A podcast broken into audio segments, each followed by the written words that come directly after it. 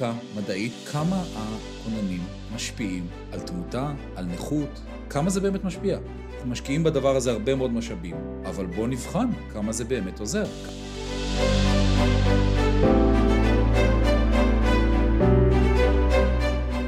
הרבה יותר חשוב לבדוק זה מה איכות הטיפול שנתנו. כשהגעתי למטופל מהר, אבל לא טיפלתי בו טוב, אז מה, מה זה שווה? וזה מה שחשוב, הטיפול האיכותי. אחד הרגעים המשמחים ביותר שלי, מתרחשים כמי שמלמד, זה שמגיע אה, אה, סטודנט ואומר לי, לא, מה שאתה אומר הוא, הוא, הוא לא נכון, הנה היום יש, יש עדויות חדשות שמראות ככה או מראות ככה, ולא מקבל על פניו את מה שאני אומר, אלא הולך ובודק את הדברים לעומק.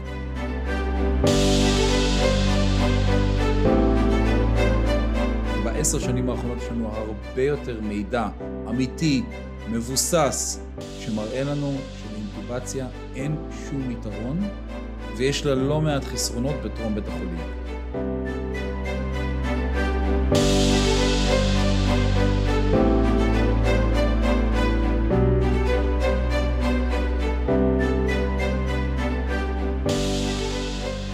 ברוכים הבאים לפודקאסט של ארגון הפרמדיקים הישראלי, במה לדיון בנושאים הקשורים לפיתוח מקצוע פרמדיק בישראל ושיח בנושאי תוכן ייחודיים לעבודת הפרמדיקים. שלום, בוקר טוב למאזינים, אנחנו בפרק נוסף של הפודקאסט, אני דוד ילינק, והיום אני משוחח עם דוקטור אורן וכט, ראש התואר הראשון ברפואת חירום מהפקולטה למדעי הבריאות באוניברסיטת בן גוריון. ואורן, כשקבענו לשוחח ולהקליט פרק, אז דיברנו על כל מיני נושאים, ואתה העלית הצעה אחת, והיא בוא נדבר על מיתוסים ברפואה, ברפואת חירום.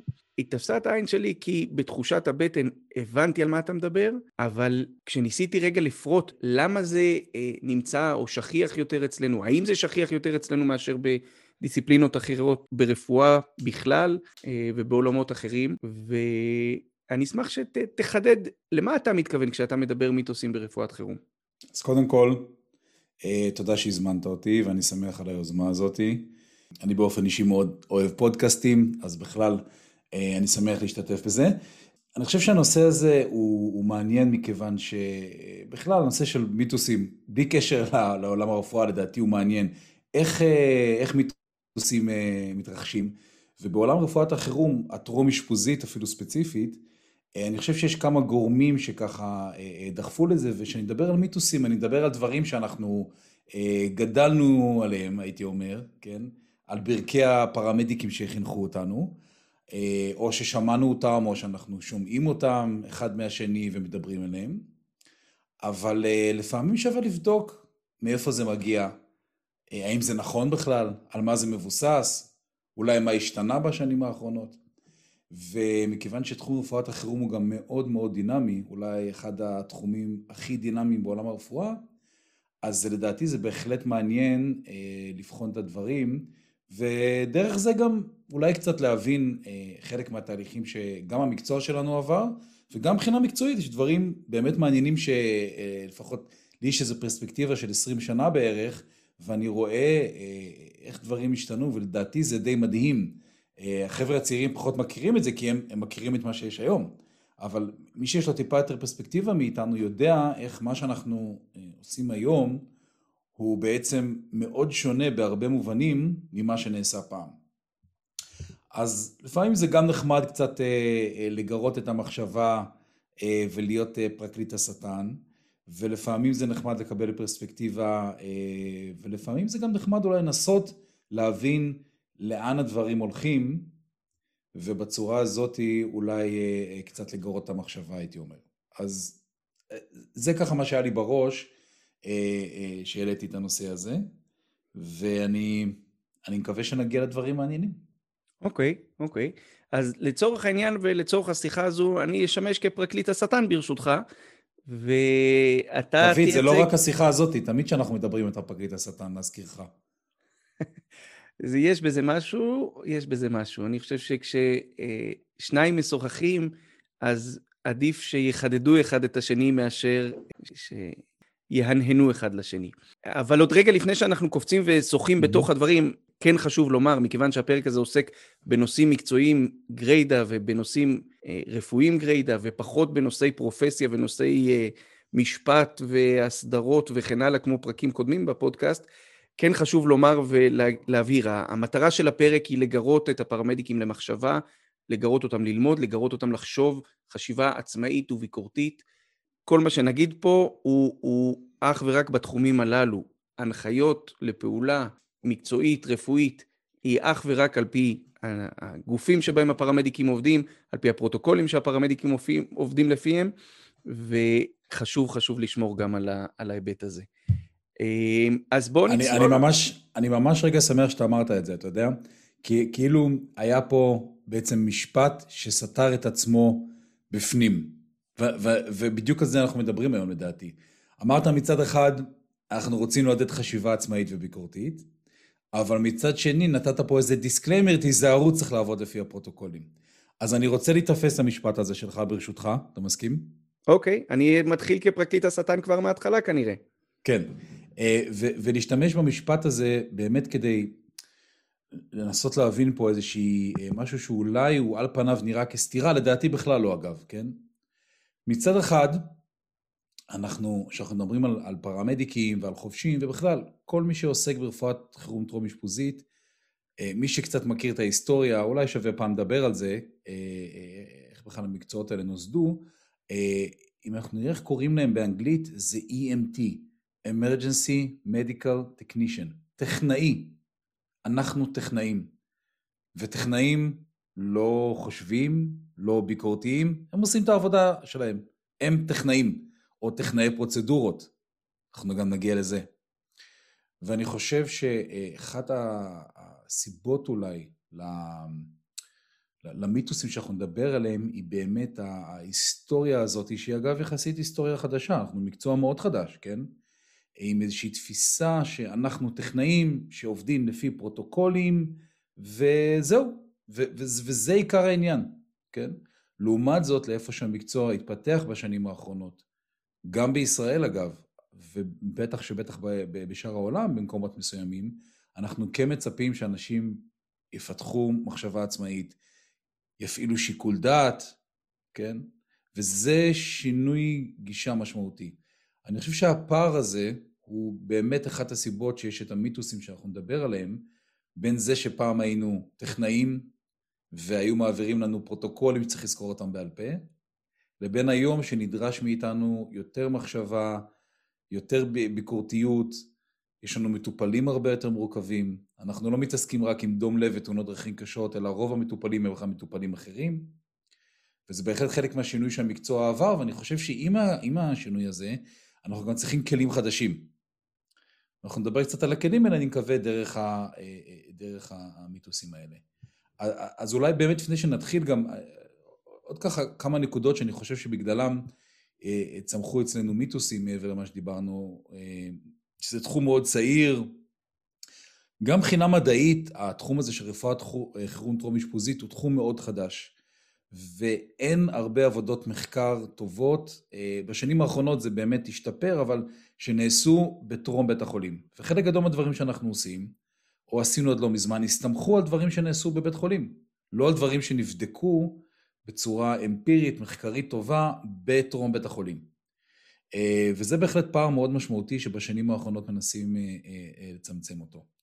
ועוד נקודה אחת שאני חושב שכדאי לדבר עליה לפני שנגיע לתכלס, זה אני חושב שעדיין אה, כ, כפרופסיה, כמקצוע, אם ככה נתחבר לדברים שגלעד דיבר עליהם, אני חושב שאין לנו עדיין את הכלים כדי אה, באמת לפתח חשיבה עצמאית וביקורתית. אה, לשבת ואם אומרים לנו משהו, לבדוק אותו ולבחון אותו, כן? אה, אחד הרגעים המשמחים ביותר שלי, מתרחשים כמי שמלמד, זה שמגיע אה, אה, סטודנט ואומר לי, לא, מה שאתה אומר הוא, הוא, הוא לא נכון, הנה היום יש, יש עדויות חדשות שמראות ככה או מראות ככה, כן? ולא מקבל על פניו את מה שאני אומר, אלא הולך ובודק את הדברים לעומק. הכלי הזה, שלא לקבל בצורה עיוורת את מה שאומרים לנו, ולבחון ולבדוק ולהבין את המדע העדכני בתחום וכולי, זה כלי סופר חשוב ואפילו בסיסי להתפתחות של כל מקצוע. ופה יש פער מאוד גדול בין הטכנאי הזה, שפשוט הוא לוקח פרוטוקול ומריץ אותו, לבין איש מקצוע שעובד עם חשיבה עצמאית ומקבל החלטות, והפרוטוקול הוא כלי עזר לקבלת ההחלטות האלה. ואגב, ככה בנו פרוטוקולים, זו הסיבה שבנו פרוטוקולים בכלל בעולם וגם בעולם הרפואה. הוא כלי עזר לקבלת החלטות, הוא לא הכלי שמקבל החלטות. אני חושב שפה יש לנו באמת עוד דרך ארוכה לעשות, ואין ספק שחלק מהמיתוסים האלה נובעים מהפער הזה של אה, החוסר אה, בכלים שיש לנו כדי לבדוק את הדברים בעצמנו ולבחון אותם ולא לקבל אותם כמו שהם וזהו. אז הייתי אומר שאולי כדאי שנתחיל. אוקיי, okay, יש לי עוד כמה קושיות שאני אשאל אותך תוך כדי על, על, על הצורך להיות אותו פרמדיק משכיל ורחב אופקים ובעל חשיבה ביקורתית אל מול הפרמדיק ואל מול, עזוב הפרמדיק, אל מול המשימות שלנו שהן רובן מאוד מאוד רוטיניות, חוזרות על עצמם בקצב מאוד מאוד גבוה, מה היתרון בסוף בסוף בשורה התחתונה, מה היתרון של אותו פרמדיק משכיל ורחב אופקים, אבל אתה יודע מה, בוא נשמור את זה להמשך ברשותך, ו- ונצלול פנימה. מי שעוקב אחריך ברפואת חירום בפייסבוק, יודע שאתה פעם בכמה שבועות לוקח נושא וחובט בו עד זוב דם, אה, בין אם זה נושאים של אינטובציות במיתרי טרום בית חולים, בין אם זה עולמות הלוקאס, בין אם זה עולמות קרשי הגב, כל הפעולות הללו שאנחנו מאוד מאוד מורגלים בהן ועושים אותן ביום יום, עם מה היית מתחיל? אמ, הייתי רוצה לדבר קודם כל על זמני תגובה, שנושא מאוד מעניין והוא בליבה של מה שאנחנו עושים, אבל אני חושב שתמיד נכון להסתכל על פרספקטיבה היסטורית. אמנם לא מה שהיה או מה שיהיה, אבל אה, מי שמאיתנו זוכר, יש לו קצת שערות לבנות, אה, זוכר שעד לא לפני המון המון שנים, למשל, כל פצוע טראומה קשה, אפילו קרוב לבית חולים, אינטובציה, טרוקר, פולי, צינור בכל חור, שאנחנו מרחק יריקה מהבית חולים. היום אני לא חושב שיש איזשהו אה, מישהו שעוסק ברפואת טרום אשפוזית, שבכלל חושב על הדברים האלה, כן? זאת אומרת, אנחנו תמיד צריכים קצת להסתכל על הדברים בפרספקטיבה ולהבין שדברים משתנים, וככל שהזמן מתקדם, הם משתנים לנו מול העיניים ממש, כן? ולכן אה, שווה קצת לפעמים אה, להסתכל אולי קצת על מה שקורה מסביב, ולא על היום-יום שלנו. אז באמת בקשר לזמני תגובה אני חושב שזה באמת, אה, אה, לא רק בישראל אגב, בכל העולם, אה, אחד הנושאים שממש גורמים לנו, או הכלים שיש לנו כדי לבחון איכות של מערכת EMS. מערכת EMS, מערכת אמבולנסים, Emergency Medical Services, כן? אמ, ודרך אגב, זה מגיע לכך שלמשל בארצות הברית, ששם אין מערכת EMS לאומית, ולמשל איזו עירייה יכולה לעשות מכרז לחברת אמבולנסים, שהיא תזכה לחמש שנים הקרובות בשירות האמבולנסים. אחד הקריטריונים למכרז, הקריטריון העיקרי זה זמני תגובה מסוימים. אז קודם כל שווה להבין מאיפה זה הגיע. כן? שהקימו את המערכות EMS בעבר ומה שהיה בעבר, עיקר הנושא היה פינוי ולא טיפול. ואגב, עד היום בארצות הברית מי שעוסק בנושא האמבולנסים זה משרד התחבורה, ולא משרד הבריאות האמריקאי, כן? וגם בישראל, תשימו לב, התשלום ברובו שמשרד הבריאות מאשר עבור אמבולנסים, הוא עבור הפינוי ולא עבור הטיפול, כן? אם אני מטפל במישהו בבית ומשאיר אותו בבית זה 200 שקלים, ואם אני מפנה אותו 100 מטר באמבולנס זה 800 או 1,000 שקלים. התפיסה היא שהפינוי הוא הדבר החשוב. אגב, משם גם הגיע האורות והסירנות, וכל הדברים האלה, כי פשוט הייתי מעביר מישהו לטיפול, לא הייתי מטפל בו. וזה התקבע. וזה התקבע ואנחנו עדיין ממשיכים למדוד את הזמני תגובה. הבעיה שאנחנו לא באמת מודדים את הזמני תגובה. תשאל אותי למה. למה? מכיוון שהזמני תגובה שמודדים ברוב מוחלט של המקומות בעולם, הם לא זמן תגובה, הם זמן חנייה בחנייה של המטופל. אם אני אשאל אותך מה, כמה זמן לקח להגיע, אתה תוכל להגיד לי, הזמן שקיבלתי את הקריאה, הזמן הראשון שאפשר למדוד אותו הוא הזמן שענו לטלפון, כן? זה הזמן הראשון המדיד, שאותו שווה לבדוק אגב. Mm-hmm. והזמן האחרון שאפשר למדוד, עם כוכבית, זה הזמן שחניתי במדרכה שליד הבית של המטופל, אם אני במקום הנכון. איזה משמעות קלינית יש לחנייה במדרכה? אני לא מכיר משמעות כזאתי. ואגב, אנחנו יודעים, מלא מעט מחקרים שנעשו בעולם, שהרגע שחניתי במדרכה, ועד הרגע שנגעתי במטופל, שזה הרגע שאולי יש לו משמעות, נכון? שנגעתי mm-hmm. במטופל, התחלתי לטפל בו, הוא מוסיף לפחות עוד 50% מהזמן תגובה שאנחנו מודדים. אז קודם כל מה שאנחנו מודדים הוא לא נכון. האם אפשר למדוד אגב זמן נגיעה בחולה? אפשר. אפשר לבדוק אה, אה, למשל בניידות שיש בהן אה, מוניטור. מתי, או... מתי המוניטור נדלק? בדיוק, מתי המוניטור נדלק ורואים איזשהו קצב, כן? זה נקרא זמן תגובה אמיתי במרכאות, אפשר למדוד את זה. דורש איזושהי עבודה טכנית לא פשוטה, אבל בהחלט אפשרי. זה הזמן שיש לו משמעות קלינית, כן? אבל האם יש לו באמת משמעות קלינית? האם הדבר הכי חשוב זה להגיע למטופל מהר? אז קודם כל, זה מה שמודדים, וזה לא הדבר הנכון למדוד אותו. זאת אומרת, זה נחמד למדוד את זה. זה אגב גם קל למדוד את זה, כי זה מתועד. אתה לוחץ על קחיצת כפתור בכל מערכת EMS בעולם, יכולים להגיד לך מתי השיחה התקבלה, מתי חנו. אוקיי, האם זה באמת מה שהייתי רוצה למדוד? שהגיע מישהו מהר? אני לא רוצה למדוד את איכות הטיפול שנתתי לו? אני יכול להביא גם רובוט לשם מהר, אז מה? זה אומר שהוא יקבל טיפול טוב? לא. מה שצריך למדוד, וזה אגב שינוי שמתרחש בכל העולם, וגם בישראל דרך אגב, בתוכנית המדדים הלאומית, שאני חבר בה במשרד הבריאות, אנחנו בכוונה לא מודדים זמנים. כי המרוץ הזה לזמנים, כן, יש לו אגב הרבה השלכות של תאונות דרכים, ולא רק של אמבולנסים אגב, גם של כוננים וגם של רכבים בצד, וזה מרוץ מטורף, כן?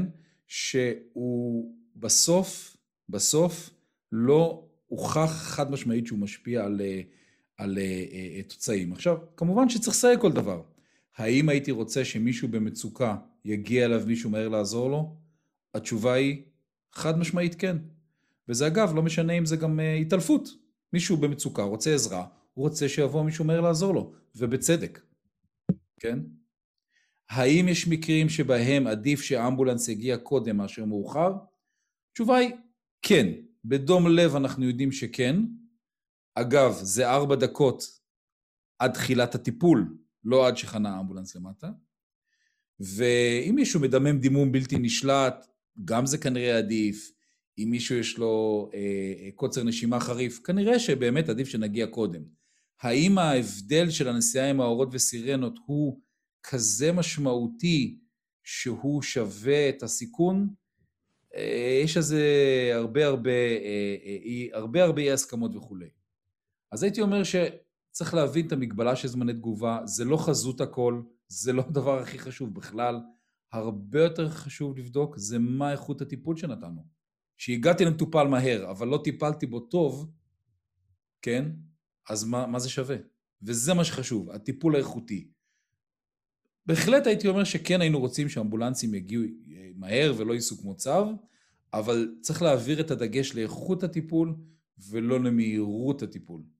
וזה משהו שלאט לאט משתנה בכל העולם, ואני חושב שבהחלט אנחנו גם צריכים אה, להתכוונן לשם ולבחון יותר את איכות הטיפול שאנחנו נותנים, ולא כמה מהר הגענו. כי, כי זאת הנקודה העיקרית. המטופל כנראה ברוב המקרים מצבו ישתפר או ינצל אם ניתן לו טיפול איכותי ולא כי הגענו דקה וחצי קודם. ברוב מוחלט של המקרים. אני, אני רוצה להקשות עליך. בשמחה. רוב, רוב בוא, בוא נחלק את המטופלים שלנו רגע לשניים. אלו שנמצאים בסכנת חיים קריטית מיידית. דום לב, אה, דימומים סלש טראומות קשות לסוגיהם, ואני יודע, אולי בקצוות גם אנפילקסיס ומקרים מהסוג הזה. קבוצה השנייה של החולים שלנו זה חולים שיכולים להיות חולים מאוד מאוד מורכבים. את רובם יקבלו את הטיפול, ודאי הטיפול הדפיניטיבי שלהם, בבית חולים, הם לא יקבלו אותו מאיתנו. נכון. עכשיו, אם כן, אני מבין זה לא. זה, לא מדויק, אם, בהחייאה, מה שאתה יכול לעשות בתור בית החולים הוא לא פחות טוב ממה שאפשר לעשות בבית לא, חולים. לא, לא. בשוק אנפילקטי אדרנלין הוא, הוא אותו אדרנלין. לא, לא, רגע, אתה... דווקא במקרים המסכני חיים אני חושב ש...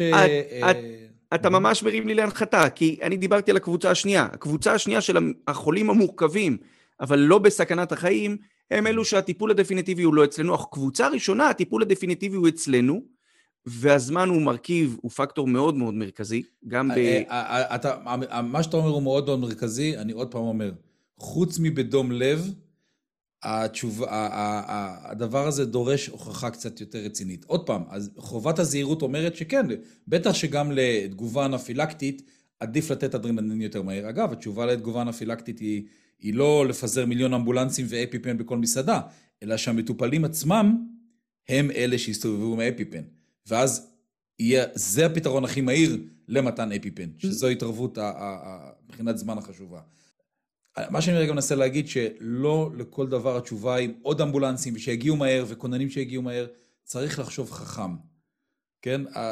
הדוגמה של האפיפן אגב היא הדוגמה הקלאסית לעניין הזה. במקום מה שעכשיו מנסים לעשות, שלדעתי האישית, כן? הוא טעות. אה, לשים אפיפן בכל מסעדה, כן? וכנראה הרבה אנשים שלא צריכים יקבלו אפיפן.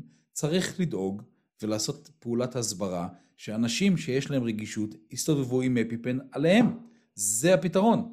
במקום לכסות את כדור הארץ באפיפנים, שמי שצריך אפיפן, שזה אגב לא הרבה מאוד אנשים, כן? שהאפיפן יהיה עליהם, והם ישתמשו איתו. זה, שם צריך להשקיע את המשאבים. זה מה שהוכח כמשהו שיציל חיים, ולא לחלק אפיפן אה, אה, אה, בכל מקום. תיקח את זה, תיקח את זה לעולמות דום הלב, כי, כי אם תסתכל על הקבוצה הזו... דום, דום, דום, דום לבקשה, הנה הפעולה שעכשיו עושים, ששמים דיפריבילטורים ציבוריים, מה שנקרא Public Access Defibrillator, כן? אתמול הייתי בארומה, יש שם דיפריבילטור, כן? זה קיצור זמני תגובה אמיתי, כי זה אומר שאם מישהו עכשיו מתמוטט ומתקשר למד"א, כן? המוקדן יגיד לו, אדוני, יש לידך דיפריבילטור, קח, תעשה 1, 2, 3. לא יהיה יותר מהיר מזה, כן? אז אני לא מתווכח שיש מקרים שאמבולנס יגיע מהר, ובכלל, שזה נכון שאמבולנס יגיע מהר, כן? לא מבטל את הנושא של אורות וסירנות, וחשוב שנבוא לעזור מהר לאנשים. אבל חשיבה חכמה ונכונה תיתן תוצאות הרבה יותר טובות, בהרבה פחות משאבים אגב, כן? מאשר אה, מלא אמבולנסים שעונים מהר וכולי. שתי דוגמאות של האפיפן והדיפריבלטור הציבורי הם הדוגמאות הטובות לקיצור זמנים הכי מהיר שאפשר, בלי שהאמבולנסים ייסעו יותר מהר ויסכנו את הסביבה וכולי. אז... אם היית יושב על כיסא שר הבריאות, היו במדינת ישראל כונני רפואה דחופה? כן, אני, אני, אני בעצמי כונן אה, אה, על אופנוע כבר, אני חושב, 12 שנים. אני חושב שיש לזה ערך מוסף. קודם כל, אני חושב שהעובדה שה, שאנחנו באים לעזור למישהו מהר שהוא במצוקה, אני ממש רואה את זה בחרדת קודש. ממש ככה. אני חושב שהעובדה שבן אדם נמצא במצוקה, וזה לא משנה אם זה באמת משהו זניח, מבחינתנו, מבחינה רפואית, כן? לאחר התעלפות, כן? אה, הכי פשוטה שיש. והוא נמצא בלחץ, והוא רוצה שיעזרו לו, לבן משפחה שלו, והוא מתקשר לאיזה מספר, ומגיע כונן, כן? מהר, שכן שלו, מישהו שעבר עם האוטו שלו, עם האופנוע שלו ליד, ועוזר לו תוך שתי דקות, למרות שרוב המקרים הוא לא עושה כלום, הוא לא עושה איזה פעולה דרמטית מצילת חיים. אבל מישהו בא לעזור לך, מהר, אני חושב שזה דבר מדהים. ואני לא אומר את זה בציניות, אני מאוד רציני שאני אומר את זה, כן? ורואים את זה אצל המטופלים. בא מישהו אומר לעזור לך. זה דבר נורא חשוב. נורא חשוב. זה ברמה הבסיסית, שזה לכל מטופל נכון, כן? שיוצא כונן לתאונת דרכים קלה, מה הוא יכול לעשות? הוא לא הציל מישהו, נכון? אבל מישהו בא לעזור לו. וזה לדעתי משהו מאוד יפה ומשהו מאוד נכון. מעבר לזה, שיש מקרים, בהחלט, שאם יש כונן עם דיפריברילטור או עם חוסם עורקים והוא מגיע מהר ועושה אה, אה, אה, פעולה מהירה שיכולה להציל חיים, זה נהדר. יש לנו רק בעיה אחת עם הדבר הזה. אתה יודע מה היא, דוד? Mm-hmm. שאנחנו לא יודעים. זאת אומרת, בישראל אנחנו עושים ניסוי מאוד מעניין, שנקרא כונני רפואת חירום. יש גם להצלה וגם למד"א, ויש לנו הרבה מאוד כוננים. ועוד פעם, אני בעד העניין הזה, אנחנו רק לא יודעים כמה הדבר הזה משנה. זאת אומרת, אין שום בדיקה מדעית, שאגב, היא מאוד לא פשוטה לבצע אותה, אחרת היו עושים אותה, כמה הכוננים משפיעים על תמותה, על נכות, כן? מעבר לעובדה שזה, אנשים עוזרים להם וזה נהדר. כמה זה באמת משפיע? אנחנו משקיעים בדבר הזה הרבה מאוד משאבים, כן? בסדר גמור, אבל בואו נבחן כמה זה באמת עוזר. כמה הכוננים משפרים הישרדות מדום, מדום לב ללא נזק נוירולוגי. כמה זה באמת עזר, הדבר המטורף הזה שאנחנו עושים פה בישראל. ואגב, לא קיים באף מדינה בעולם, בשום סדר גודל כזה, כן? אני אומר את זה לזכותנו. אנשים מתנדבים, אנשים נותנים מזמנם האישי, עוזבים את המשפחה, רצים לעזור, כן? נהדר, אני בעד מאוד. אני רק אומר, שווה לבדוק כמה זה באמת עוזר.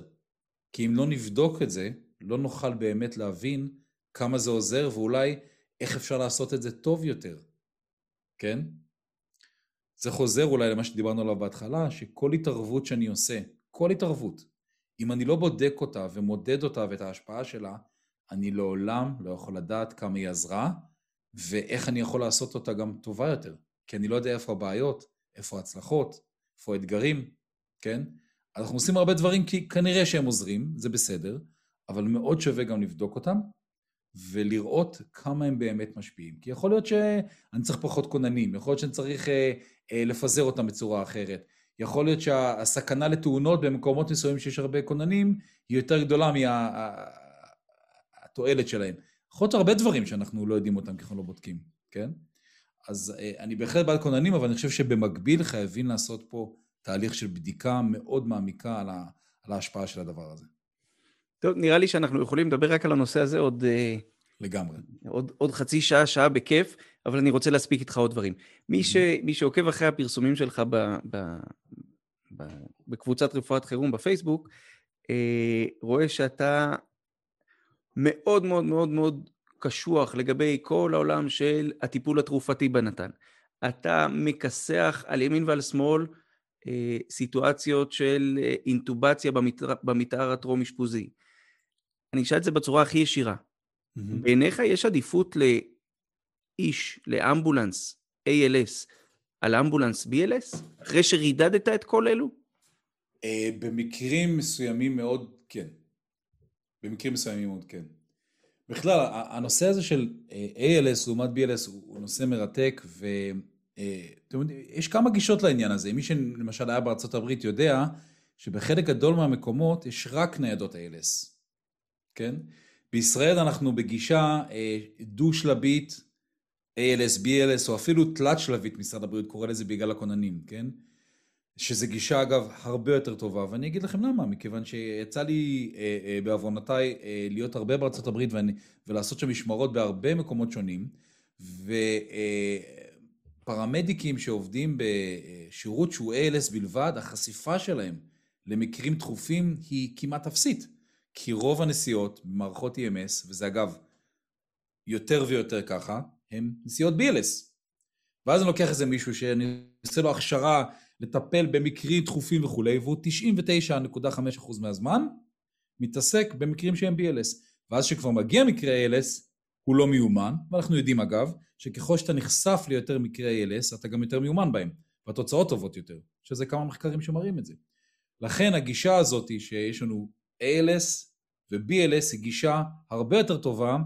מי שחושב שנכון שבכל האמבולנסים יהיו ניידות טיפול נמרץ, זו גישה שהיא מדעית חד משמעית פחות טובה, והיא גם גורמת להרבה שחיקה של, ה, של הצוות. אבל איפה באמת יש יתרון ל-ALS, אה, כן? שאלה אגב מאוד מאוד טובה. בכלל, אני חושב שאחד הדברים שכדאי לנו, אה, לפרמדיקים שבינינו, לשאול את עצמנו, שאנחנו מגיעים למטופל או לפצוע, אני אוהב לשאול את עצמי את השאלה הזאת כמעט בהתחלה. אם היה מגיע לפה אמבולנס רגיל במקומי, האם למטופל הזה היה יותר טוב?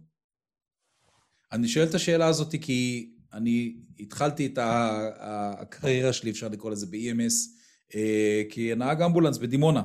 כן? מקום מרוחק עם בית חולים וכולי, ואני, ואני יודע מה האתגרים אה, אה, ב-BLS, אבל אני שואל את עצמי, אם עכשיו במקומי לתאונה הזו היה מגיע BLS, שם את המטופל בה ונוסע, ואני במקום זה עכשיו מתעכב איתו 20 דקות בשטח, כן, לכל מיני דברים, האם היה למטופל יותר טוב? ואם התשובה היא כן, אז אה, בואו נפעל בכיוון הזה. והאמת היא שמבחינה מדעית, והדבר הזה נבדק בכל מיני דרכים, היתרון של אמבולנס ALS הוא מוגבל ליחסית מעט דברים. ואני אגב לא חושב שזו בשורה רעה, אני חושב שזו בשורה מצוינת, מכיוון שזה אומר שגם אה, ה-BLS שלנו, שזה רוב השירות האמבולנסים בישראל אה, וברוב העולם, יש להם כלים טובים כדי להציל מטופלים. לא צריך כלים מאוד מורכבים בחלק גדול מהמקרים כדי להציל מטופלים נמצאים ברמת ה-BLS. אה, אז אני חושב שיש יתרון ל-ALS, היתרון נמצא גם בהבנה של מצב המטופל, גם בהתערבויות מאוד מאוד ספציפיות. אגב, אחד ההתערבויות האלה הוא הנושא של אק"ג לזיהוי סטמי ופינוי ישיר לצנתור. זה אחד ההתערבויות היותר אפקטיביות שקיימות, אה, לא האספירין שגם קיים באמבולנס רגיל, אלא ההבנה כבר ברמת הפרי הוספיטל שיש סטמי, והחיסכון של החצי שעה לפחות בבית חולים עד ההגעה לצנתור. ההבאה של המטופל ישירות לצנתור היא משמעותית, ופה אגב יהיה מעניין לראות מה ההכנסה של ה-EKG לאמבולנסים הרגילים אה, תעשה, כן? זאת אומרת, האם לטווח ארוך זה יגרום לאמבולנסים רגילים לפנות ישירות מטופל לצנתור, זה יכול להיות בהחלט דבר משמעותי, כי זה באמת אחד היתרונות של ה-ALS. אינטובציה בנתן? זה משהו שאתה... כן. אתה, אתה, באופן אישי, אתה באופן אישי עוסק בזה? אה, תראה, אינטובציה זה נושא מאוד מעניין, אני חושב. לפני הצד המקצועי, שהוא מעניין לפני עצמו, אני חד משמעית, ככל שהשנים עוברות, חושב שיש פה גם צד רגשי. אני לא צוחק, זה נשמע אולי מוזר. אבל אם אנחנו חוזרים אחורה לעובדה שאנחנו, לפחות היסטורית, היינו טכנאי רפואת חירום, כן? וההיילייט של הטכנאי היה לעשות אינטובציה, פתאום לבוא ולדבר על זה שזה אולי לא כל כך נכון לעשות את זה, ברוב המקרים. אה, ממש אה, יש אנשים שזה פוגע להם ב, בליבה, ב, ב, זה ממש, אה, כן, מבחינה רגשית זה עושה לנו משהו, כן? ואני חושב שזה שווה בחינה פנימה. מכיוון שאם אנחנו מגדירים את עצמנו על פי איזושהי פעולה, זה מאוד מדאיג לדעתי. אני לא רואה איזשהו אה, צוות רפואי או סיעודי שמגדיר את עצמו אה, מבחינה מקצועית, אם הוא עושה זונדה או לא עושה זונדה. זה בכלל לא ההתעסקות.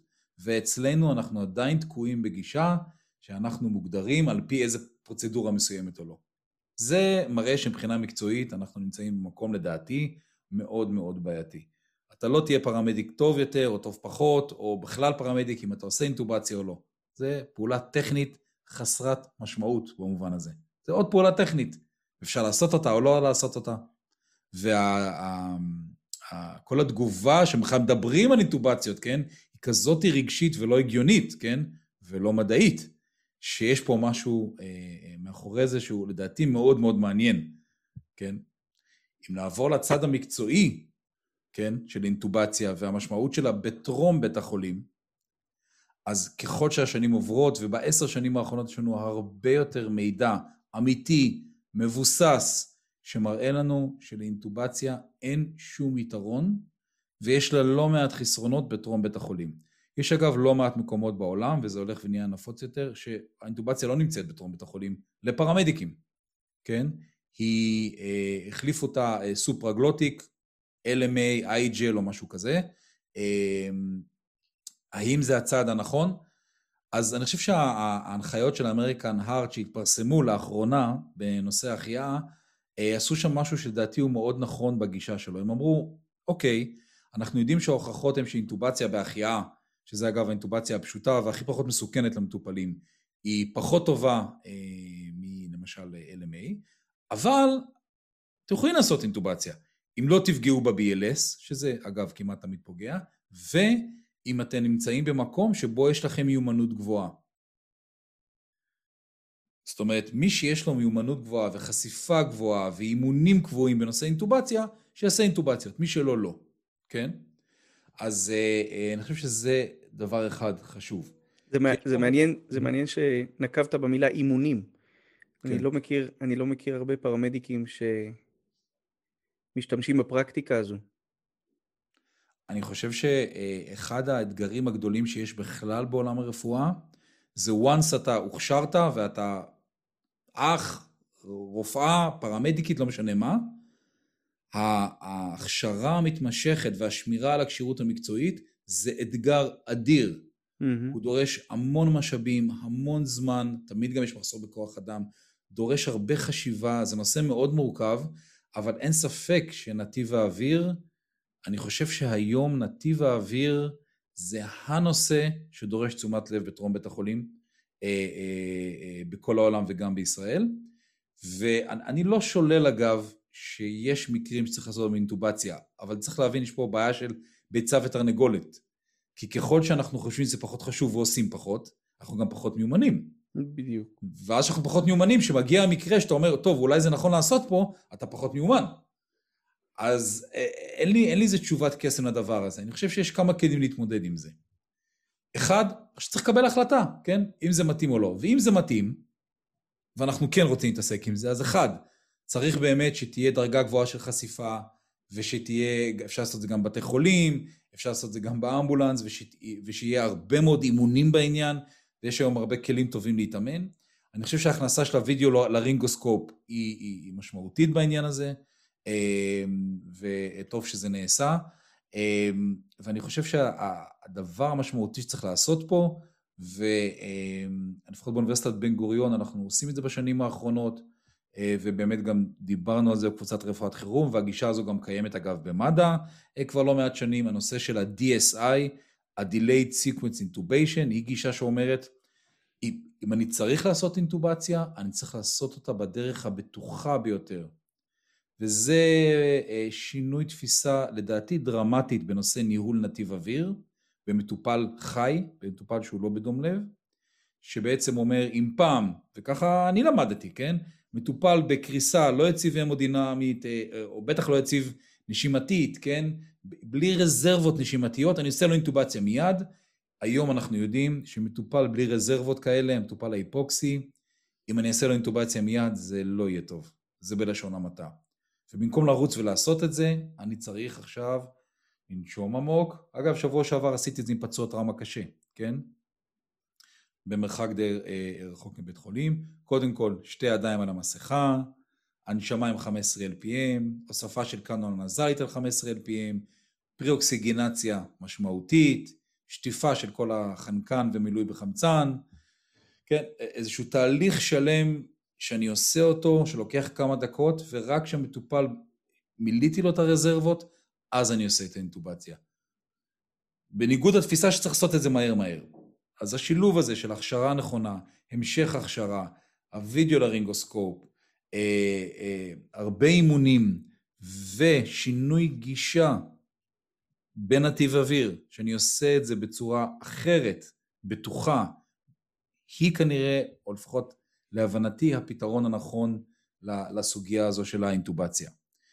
אפשרות אחרת היא באמת לעבור לסופרגלוטי, כן? ל-IGL או LMA, ומי שעדיין משתמש בטרום בית החולים במושג נתיב אוויר דפיניטיבי, אה, יש בזה אה, מן הטעות, כי אינטובציה היא לא נתיב אוויר דפיניטיבי בטרום בית החולים. היא לא, כן? היא לא עושה פחות אספירציות מ-LMA, ומצד שני יש בה הרבה סיכונים. אז אה, זה באמת, אם נחזור למה שאתה דיברת עליו בהתחלה, הנושא של החשיבה והביקורת וההבנה, הגישה הזאת היא החדשה, יחסית, הנתיב האוויר, דורשת הרבה הבנה של הפיזיולוגיה, הרבה הבנה של התהליכים, ולא איזה גישה כזאת, אה, אוקיי, לא נושם טוב אינטובציה, זה לא עובד, כן? אמ, אז זה ככה השתי סנט שלי על העניין הזה של האינטובציה. לא, בחלק הראשון של השיחה לקחת את האורות והסירנה מה, מהפרמדיק הכונן, בחלק השני לקחת את ה-rapid sequence intubation. את האינטובציה המהירה ש, שאתה... אנחנו לא עושים rapid sequence, אין לנו משתקי שרירים. נכון, אבל, אבל את, ה, את, כן. ה, את, ה, את הלהגיע ותוך 60 אה, שניות מהגעה של, ה, של הפרמדיק להיות בפצוע מורדם, מונשם ו... רגע, אני, אני, אני חייב לדבר על זה, אם דיברת על המיתוסים. כולנו שמענו את המיתוס הזה, וככה גם ניתו אותנו, תוך 30 שניות, נכון? אה, שהטובוס יהיה בפנים. למה 30 ולא 27? למה לא 34? ה-30 שניות האלה זה לא זמן פיזיולוגי, זה פשוט חצי דקה, זה מספר עגול ויפה. אבל המטופל שמולנו, יש לו בעיה פיזיולוגית, שהיא שונה אגב ממטופל למטופל, כן? זה אגב, אם כבר לא 30 שניות, אלא מינימום שתי דקות, מבחינה פיזיולוגית, כן? Mm-hmm. אם אני עושה את זה כמו שצריך. אז זה עוד מיתוס, מאיפה הביאו את ה-30 שניות האלה, או תעצור את הנשימה שלך וכל עוד אתה לא נושם, אתה יכול לעשות את הטובוס, זה פשוט, אני לא יודע איפה הדברים האלה הגיעו. כן, אני יכול רק לנחש, אבל זה משהו שכל פרמדיק בר דעת שיש לו טיפה הבנה פיזיולוגית, מבין ש-30 שניות זה מספר, שהוא פשוט מספר עגול, אין לו שום משמעות רפואית, כן? מיתוס לחלוטין. אבל רגע, דוד, אני רוצה, אני עצרתי אותך סליחה באמצע השאלה. אנחנו ניקח את האינטובציה, ניקח את הדברים האלה, זה חסר משמעות. כי מה שנשאר בליבה, לדעתי, זה הדבר החשוב. שהוא לא תלוי בטובוס כזה או אחר, או בכמה מהר נגיע. והליבה של הדברים, ואגב, ככל שאני עושה את זה יותר שנים, אה, ועשיתי אתמול משמרת ערב, והיום אני עושה גם משמרת ערב, אני מרגיש את זה יותר ויותר. המהות של מה שאנחנו עושים, באמת הליבה, הליבה, הליבה, זה עזרה לזולת. זה עזרה, זה בסוף עזרה לזולת. זה לתת מעצמך למען בן אדם שאתה לא מכיר, ואתה נפגש איתו לזמן מאוד קצר, שהוא במצוקה מאוד גדולה, והוא לפעמים נמצא במצב מאוד לא נעים, כן? ואתה בא אליו בלי שאלות, עם הרבה מאוד חמלה, ואתה נותן מעצמך, כמובן אתה והצוות שלך, ואתה שם בשבילו או בשבילה, עוזר להם ועושה מה שצריך. אני חושב שזה המהות של מה שאנחנו עושים. ואני חייב להגיד שלי באופן אישי, כן, אחרי הרבה שנים, זה מה שנותן הכי הרבה סיפוק. אני אעשה עוד אינטובציה, נעשה פחות אינטובציה, זה פחות מעניין אותי. אבל הפגישה הזאת עם אנשים, ולבוא, אה, והחיבור האנושי הזה, ובאמת המשהו הזה, שאתה מגיע לאנשים מכל הגילאים, מכל המגזרים, כל הדתות, כל הכל, אתה מגיע לכולם. ובלי שאתה מכיר אותם, נוצר שם איזשהו קשר, ואתה יכול, אתה יכול לתת מעצמך, ויכול להיות שם הרבה חמלה גם, וזה לדעתי משהו מדהים, ואני חושב שזה, לפחות לי באופן אישי, נותן הרבה מאוד, הרבה מאוד סיפוק וגם הרבה מאוד, הייתי אומר איזשהו תוחלת, כן, בחיים. הרבה אנשים מחפשים משמעות, ו... ואני חושב שברגע שאנחנו נותנים מעצמנו למען הזולת ונמצאים שם בשביל מישהו אחר, שאנחנו אפילו לא מכירים אותו, כן? רק הוא היה צריך עזרה, אני חושב שזה לפחות לי באופן אישי, זה נותן הרבה הרבה מאוד אה, איזושהי הבנה למה אני נמצא פה, בלי להיכנס לפילוסופיה, למה אני נמצא פה על כדור הארץ הזה ומה אה, התפקיד שלי.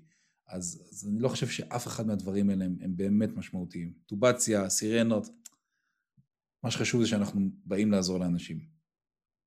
אני מאוד מזדהה, מאוד מזדהה. גלעד בשיחה הקודמת שלי בפודקאסט, בשיחה הקודמת שלנו בפודקאסט, אה, תיאר את זה כמקצוע נפלא שנתן לי את הזכות להגיע לאנשים שבחיים שלי לא דמיינתי שאני אפגוש אותם, בסיטואציות שבחיים לא דמיינתי שאני אגיע אליהם. ואני, אולי זה משהו, אולי זה משהו שבא עם הגיל שמשותף אה, פלוס מינוס לשלושתנו, אני מסכים שלהגיע הביתה בסוף משמרת בידיעה שהיית אה, בקצוות הכי רחוקים לפעמים של החברה הישראלית, למעלה ולמטה, נכון. אה, ולצדדים ולכל מקום, אני באמת חושב שזה מקצוע, בהיבט הזה מקצוע נפלא, באמת. אבל אני, אתה יודע, ככה גלשנו ל... ל... גלשנו למהות ואני עוד רוצה, אני עוד רוצה, רוצה לשבור איתך עוד שניים שלושה מיתוסים. למרות שאנחנו mm-hmm. מעריכים, אם אנחנו כבר פה, בוא, בוא, בוא נמשיך עם הפטיש. אתה, אתה, במשמרות שלך, אמרת שאתה עושה משמרות היום ואתמול, אתה משתמש בתרופות בהחייאות במשמרות שלך? אני כמובן, אני כמובן כן. מתריס בשאלה, כי ודאי שאתה פועל לפי, כול, כמו כולנו לפי הנחיות, אבל... נכון. יש, יש תועלת בשימוש בתרופות בנתן? קודם כל, בתרופות בכלל, בוודאי שיש תועלת. אה, ויש אפילו הרבה תועלת. אה, אגב, לדעתי אחד הדברים המשמעותיים שאנחנו עושים זה טיפול בכאב, שאני מאוד שמח שהוא תופס מקום יותר ויותר גדול. אבל אם אתה נכנס לנושא של החייאה, אז אני חושב שאנחנו לא צריכים להמציא את הגלגל. יש פה דעת מומחים, והדעת מומחים זה ה-American Heart או ה-European Resuscitation Council, שאגב, עכשיו, as we speak, מפרסמים את ההנחיות שלהם. אמ, יש ערך מוגבל מאוד ומסוים מאוד לתרופות בהחייאה. ויש פה שתי תרופות בגדול שאנחנו מדברים עליהן. אחד אדרנלין, שאגב זה מאוד שנוי במחלוקת בעולם המדעי. האמריקן הארד זה לא הגוף היחידי, ויש לא מעט מקומות בעולם שיש להם תוצאות אגב בין הטובות בעולם, שלא משתמשים באדרנלין בטרום בית החולים. אבל אמריקן הארט עשה פה איזושהי פשרה שלדעתי יש בה איזושהי בכל זאת איזושהי חוכמה. ובהנחיות החדשות שיצאו עכשיו, אה, הוא דיבר על שני מצבים שונים. אחד, אם זה VF, לחכות לפחות לשלושה סבבים של שוקים עד שנותנים אדרנלין. כי רוב המטופלים ששורדים החייאה בלי נזק נוירולוגי שורדים בדקות הראשונות, כן? אז שם אני עושה את הדגש על עיסוי איכותי מאוד ועל שוקים. לעומת זאת מטופלים באסיסטולה ו-PEA, ואגב אסיסטולה ו-PEA בניגוד למה שאנחנו רגילים לחשוב זה שני דברים שונים. אסיסטולה זה בעצם המטופל נפטר, כן? זה, זה המשמעות של זה ברוב מוחלט של המקרים. אלא אם כן זה מישהו שהתמוטט מול, מול מישהו, שזה מקרה קצת יוצא דופן, רוב המטופלים שהם באסיסטולה, ואנחנו פשוט מישהו מצא אותם, הם לא ישרדו בלי נזק נוירולוגי, כן? פשוט מאוד, זו עובדה מדעית, כן? אמ, אלה שהם ב-PEA לעומת זאת, זה משהו נורא מעניין. כי כשאני אומר PEA, אני מדבר ל-Pulseless Electrical Activity. אני אומר שיש שם פעולה חשמלית בלי דופק. מה זה דופק, כן? דופק זה אחת הבדיקות הכי לא אמינות שקיימות בעולם. אני עכשיו אנסה למצוא לעצמי דופק, יכול להיות שאני לא ארגיש את זה. אני אנסה לבדוק עליך, יכול להיות שאני לא ארגיש, ואתה חייב לדבר איתי. פעילות ב-PEA, ברוב מקרי ה-PEA, ה-PEA יש גם פעילות מכנית. היא פשוט לא מספיקה כדי לייצר דופק שנרגיש אותו, כן? או שאנחנו פשוט לא מרגישים אותו, אבל הלב עדיין מתכווץ. ברוב מקרי ה-PEA, פשוט לא מייצר מספיק תפוקת לב. ולכן אנחנו עושים ניסוי, ובעצם מדובר במטופלים, חלקם, שהם בשוק מאוד עמוק. והטיפול למטופל שנמצא בשוק מאוד עמוק כולל תמיד וזופרסורים, שהווזופרסור הטוב ביותר שיש לנו בטרום בית החולים זה אדרנלין. ולכן למטופל ב-PEA, כן, לתת לו אדרנלין, אדרנלין מהר זה דבר חכם, כי אני מסתכל עליו עכשיו טיפה קצת אחרת, אבל זה בעצם מטופל בשוק מאוד עמוק כנראה, כן, ואדרנלין בהחלט תרופה אה, פוטנטית בעניין הזה. אני לא מוותר אבל על הניסיון להבין למה הוא נמצא בדום לב. כי אולי יש טיפולים אחרים שאני צריך לעשות במקביל לאדרנלין, כן? אני חושב שהאיזון הזה שה American Heart מצאו בנושא האדרנלין הוא איזון, הוא איזון נכון וחכם. אה, אם אנחנו מדברים על אמיודרון, או לידוקאין אגב, כן? אה, זה תרופות שבטרום בית החולים אה, לא משנות שום דבר. אין הבדל בין לתת, לתת אותן לבין לתת saline. בהחייאה. אני עושה פה כוכבית בהחייאה, כי לאמיודורון כתרופה אנטי-אריתמית יש תפקיד מסוים גם במטופלים חיים. בדום לב, אה, בטרום בית החולים, ואני מדגיש את זה, זה לא אה, משנה יותר מאשר אם ניתן סליין. אה, בבית החולים, אם מישהו מתמוטט עכשיו ועושה VF ויש לו גישה ורידית, זה נושא אחר. אז בהחלט אני חושב שהגישה צריכה להיות, גם כן, על פי הנחיות, החייאה מאוד איכותית, כן? להחליף מעשה כל שתי דקות, לבדוק מקצב כל שתי דקות. שם לשים את הדגש. אם יש לי עוד אנשי צוות וזה לא פוגע ב-BLS, אני יכול לתת תרופות, לפי המגבלות שאמרנו, אדרנלין ב-VF רק אחרי שלושה סבבים, וב-PEA והסיסטולה לתת את זה כמה שיותר מוקדם, בלי לפגוע באיכות העיסוי. כן? אם אני משאיר את אותו בן אדם שעושה עיסוי שמונה דקות כדי לפתוח את וריד ולתתי אדרנלין, זאת טעות חמורה. אגב, אחת הבעיות שיש לנו עם תרופות היום, לא היום תמיד, הייתה שבדום לב הלב לא מתכווץ, אנחנו נותנים תרופה לווריד פריפרי, שם אין זרימת דם, והרבה פעמים אנחנו לא עושים שטיפה של 20 cc ומרימים את היד. ואז התרופה נשארת ביד, וכשהיא נשארת ביד זה מאוד בעייתי, גם כי היא לא עובדת, אבל גם שיהיה חזרה של דופק, פתאום הרבה מאוד תרופה שנתתי במהלך החייאה מתחילה להסתובב במחזור הדם.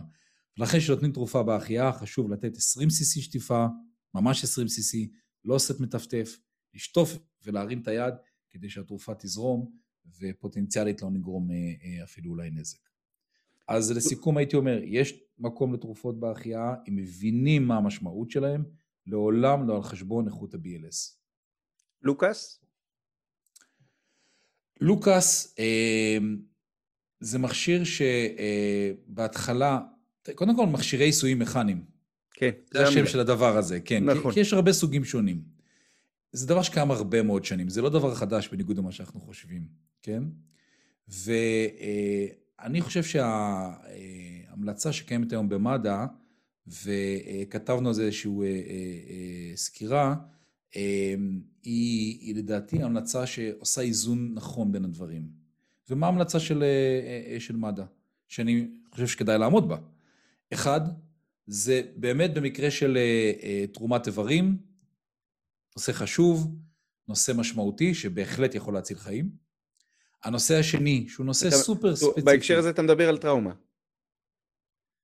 אני לא רוצה להיכנס לזה פה, כי אפשר לדבר על זה שנה שלמה, אבל בגדול... אוקיי, אז לא ניכנס ונפנה. למסמך הרלוונטי. כן, בדיוק. יש שם פירוט, וזה גם נושא קצת רגיש, אז... אבל אני חושב שבאינדיקציה הנכונה ובתנאים הנכונים וכולי, אפשר להציל חיים של כמה אנשים. אז בהחלט זה משמעותי. הנושא השני, זה הנושא המאוד מאוד ספציפי של מטופל שיש לו בעצם אה, VF שאני לא מצליח לפתור אותו בטרום בית החולים, כי הרי ההחייאה שלנו לא פותחת את הטרומבוס שיש למטופל, כן? למשל.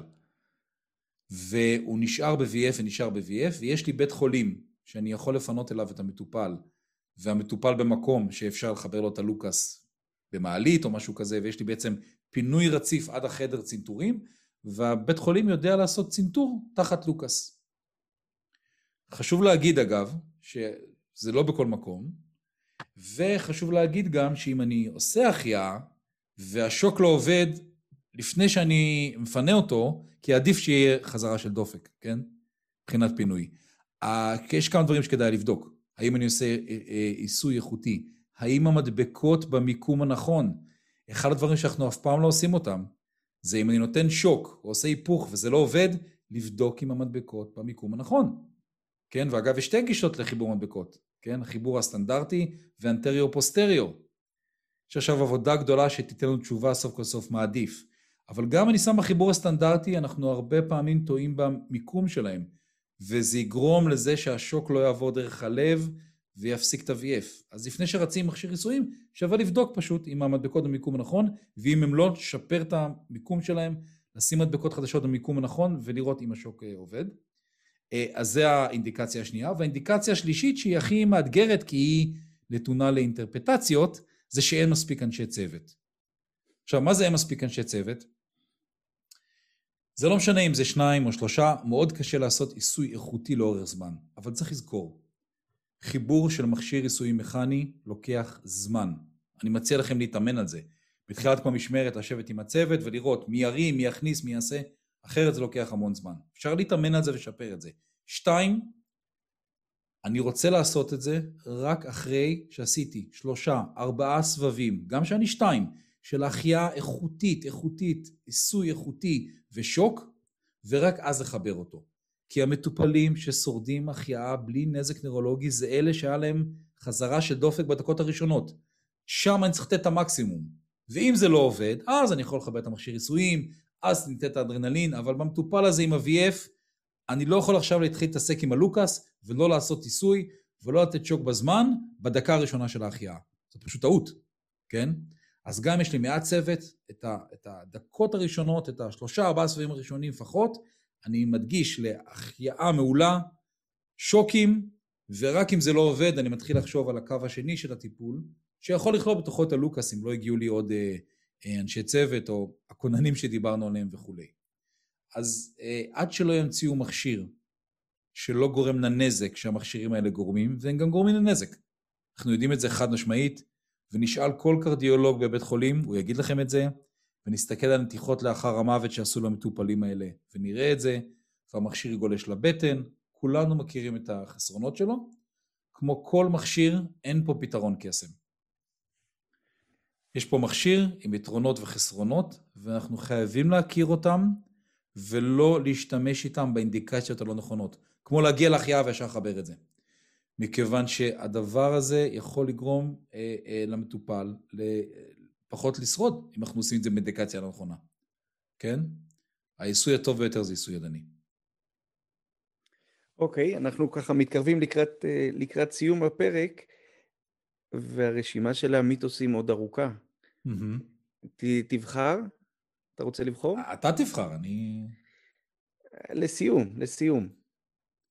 לסיום הייתי אומר, הנושא של השוק והלחץ דם.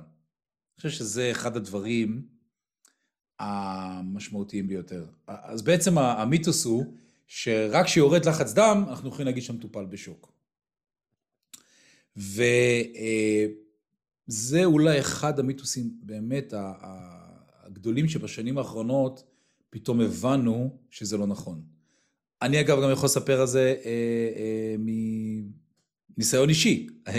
הייתי לפני שנה אה, אה, וקצת בארצות הברית, חיידק טורף החליט אה, לנסות להרוג אותי,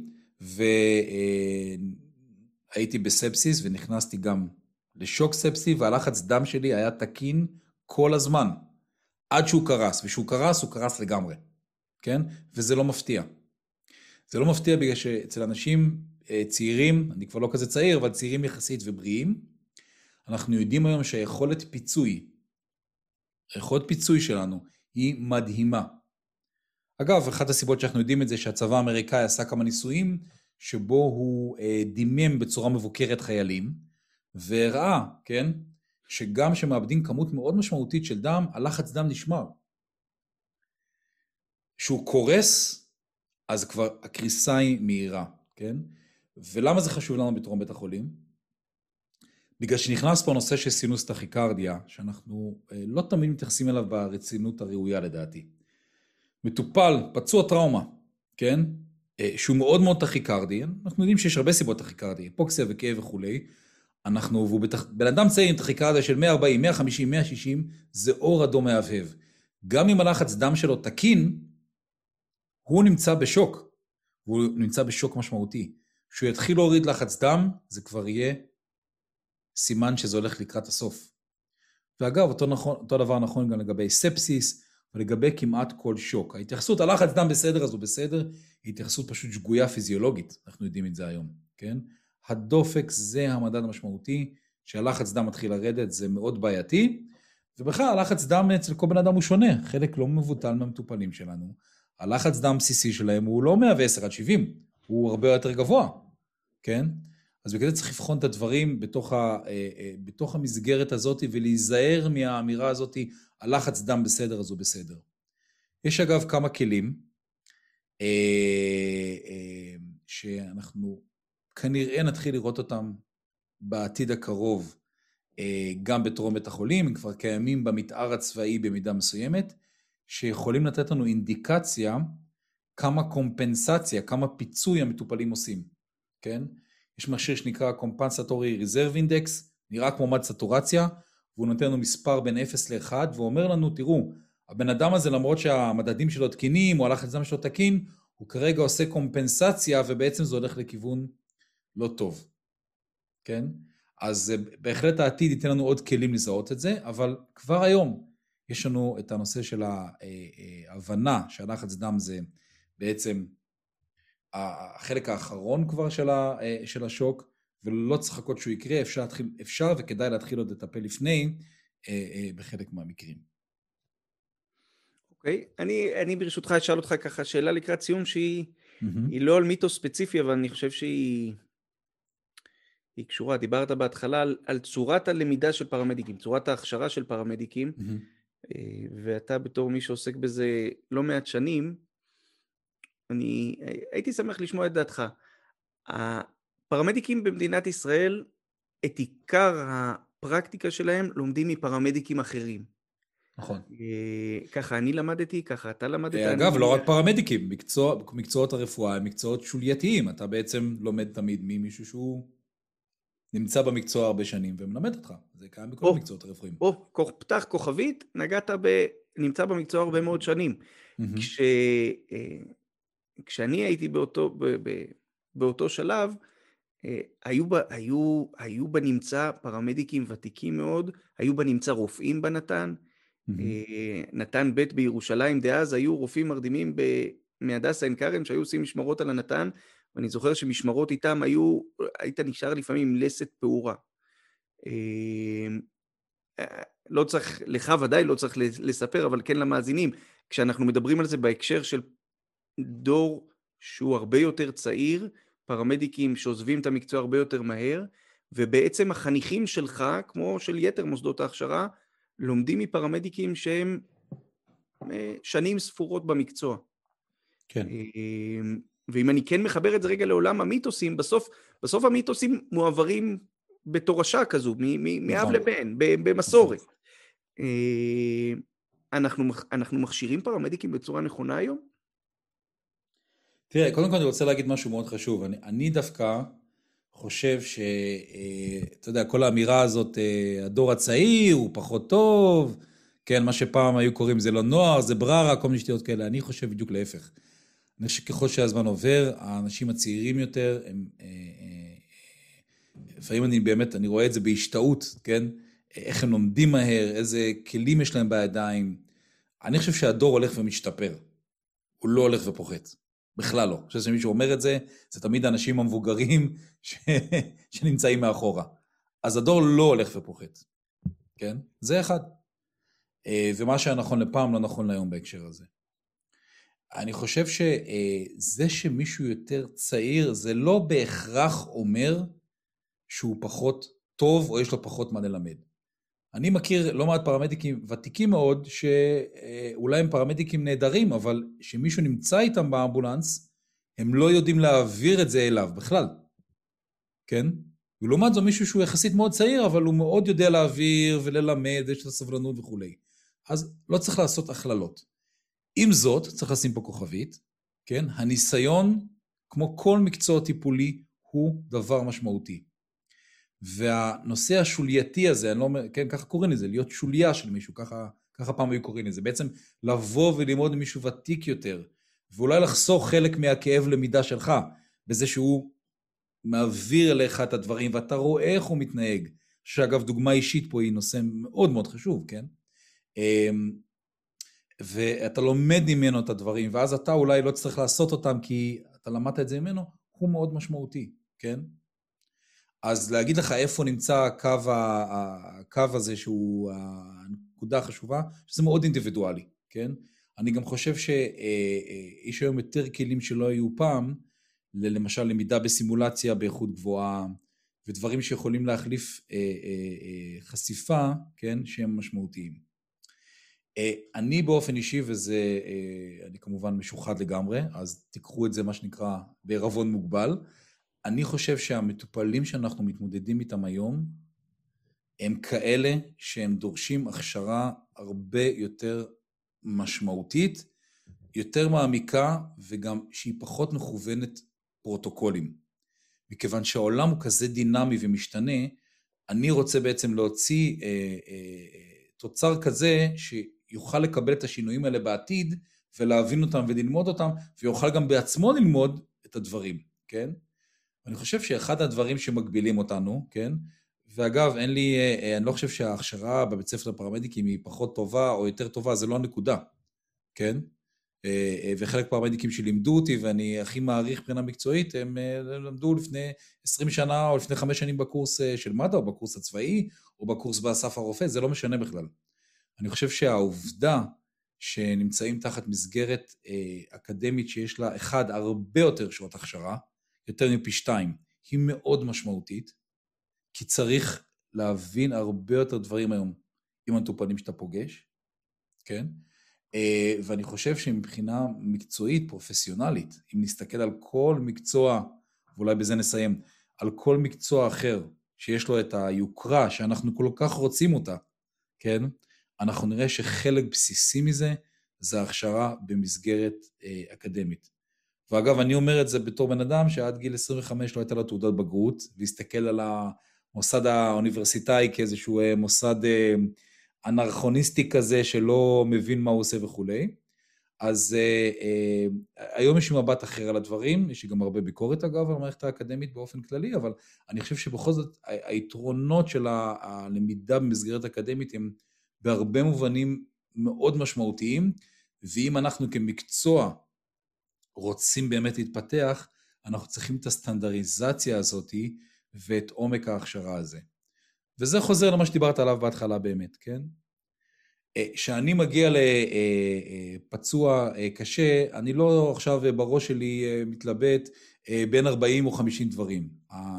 היתרון שיש לי בהכשרה הארוכה יותר, כן, הוא נמצא אחד, הבנה של המצב, וצריך לזכור, דרך אגב, שרוב המטופלים שלנו היום הם במצב אחר. רוב מוחלט של המטופלים שלנו הם רפואה ראשונית כמעט, כן? ושם בהחלט לדעתי יש איזו משמעות. ואני יכול להגיד שגם במצבים דחופים, הדוגמה הכי טובה זה למשל הנושא של ההנשמה, כן? והניהול נתיבות שדיברנו עליו.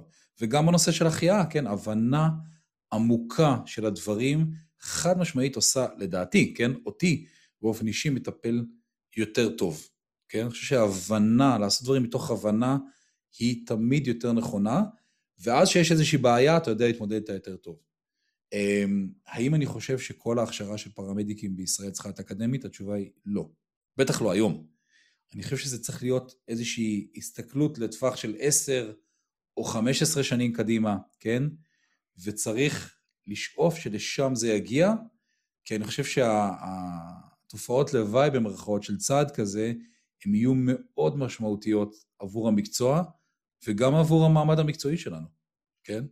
הן יהיו מאוד משמעותיות, אבל זה איזשהו תהליך ארוך טווח, אי אפשר לעשות אותו מהיום למחר, זה גם לא נכון לעשות אותו מהיום למחר, כן? אבל לטווח ארוך, אני חושב שזה הכיוון שצריך להיות, אה, אה, ובאופן כללי, אני חושב שצריך להכשיר אולי פחות אה, פרמדיקים, להשתמש איתם בצורה יותר טובה, זאת אומרת, להשתמש אחרת עם, עם, עם המשאב הזה של הפרמדיק והניידת טיפול נמרץ מצד, מצד שני. מצד שלישי כמובן, לדאוג לזה, וזה נושא מאוד מורכב ומאתגר בכל העולם, להשאיר את האנשים יותר זמן במקצוע, כדי שבאמת כולנו נהנה, גם המטופלים וגם הפרמדיקים שלומדים, מהניסיון המתמשך של פרמדיקים ותיקים. אז יש פה הרבה, הרבה צדדים לדבר הזה. הרבה צדדים ובעיקר הרבה משימות להמשך. אז אה, בדברים האלה נס... נסיים. אה, תודה רבה, דוקטור אורן וכט. תודה רבה גם על השיחה המרתקת, גם בכלל, אה, על הפעילות שלך לקידום המקצוע. ויש לי תחושה שעוד נשתמע פה בפרקים נוספים. בשמחה. להתראות. הפודקאסט של ארגון הפרמדיקים הישראלי הוא במה לדיון בנושאים מקצועיים ובנושאים שקשורים לפיתוח מקצוע הפרמדיק בישראל. אנחנו בהחלט בהחלט מעודדים את הפרמדיקים להקשיב, לפתוח, להאזין ולהעשיר את עולמם. ועדיין אין באמור לעיל כדי להוות לא הנחיה מקצועית ולא הנחיה חוקית בשום נושא שהוא על הפרמדיקים לפעול בהתאם להנחיות כל דין ובפרט בהתאם להנחיות המקצועיות של הגוף בו הם עובדים, מתנדבים או פועלים. אנחנו מאוד מאוד מודים לכם, הרבה הצלחה ולהתראות בפרקים הבאים.